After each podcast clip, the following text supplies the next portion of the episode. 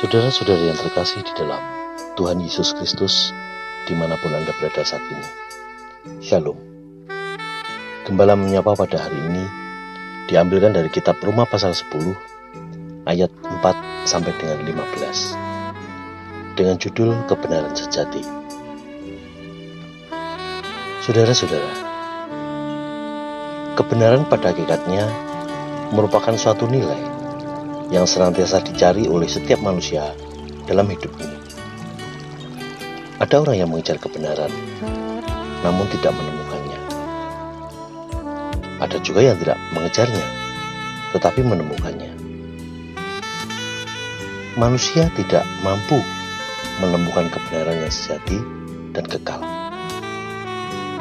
Paulus mengakui bahwa kebenaran bukan diperoleh karena usaha manusia, melainkan diperoleh melalui Yesus Kristus. Dapat Anda baca pada ayat yang keempat. Paulus tidak menolak pandangan Musa tentang kebenaran berdasarkan hukum Taurat. Bahwa orang yang melakukannya akan hidup karenanya. Dapat Anda baca pada ayat yang kelima. Namun Paulus mengakui kebenaran iman di dalam Yesus Kristus.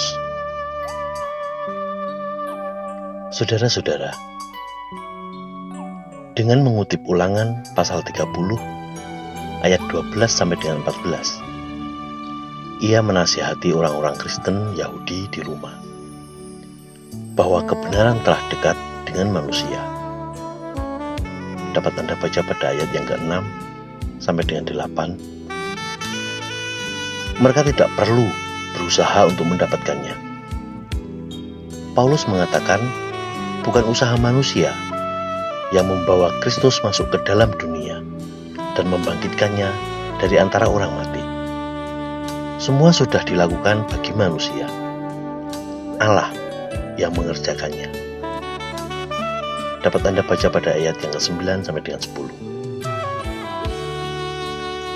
Bagi Rasul Paulus, jarak kebenaran dan manusia hanya sejauh mulut dan hati cukup melakukan tiga hal, yaitu mengaku dengan mulut bahwa Yesus adalah Tuhan, percaya dalam hati bahwa Allah telah membangkitkan Dia dari antara orang mati, serta menyerukan nama Tuhan Yesus.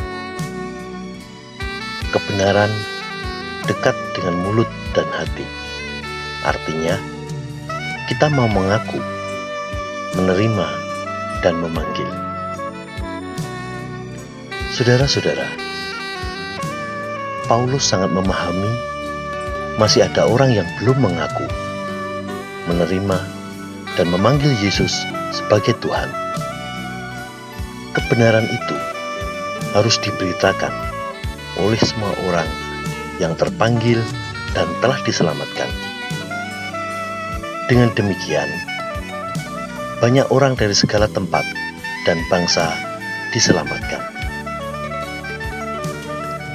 Tanpa usaha apa pun, kita telah diselamatkan Allah dalam anugerahnya melalui Yesus Kristus.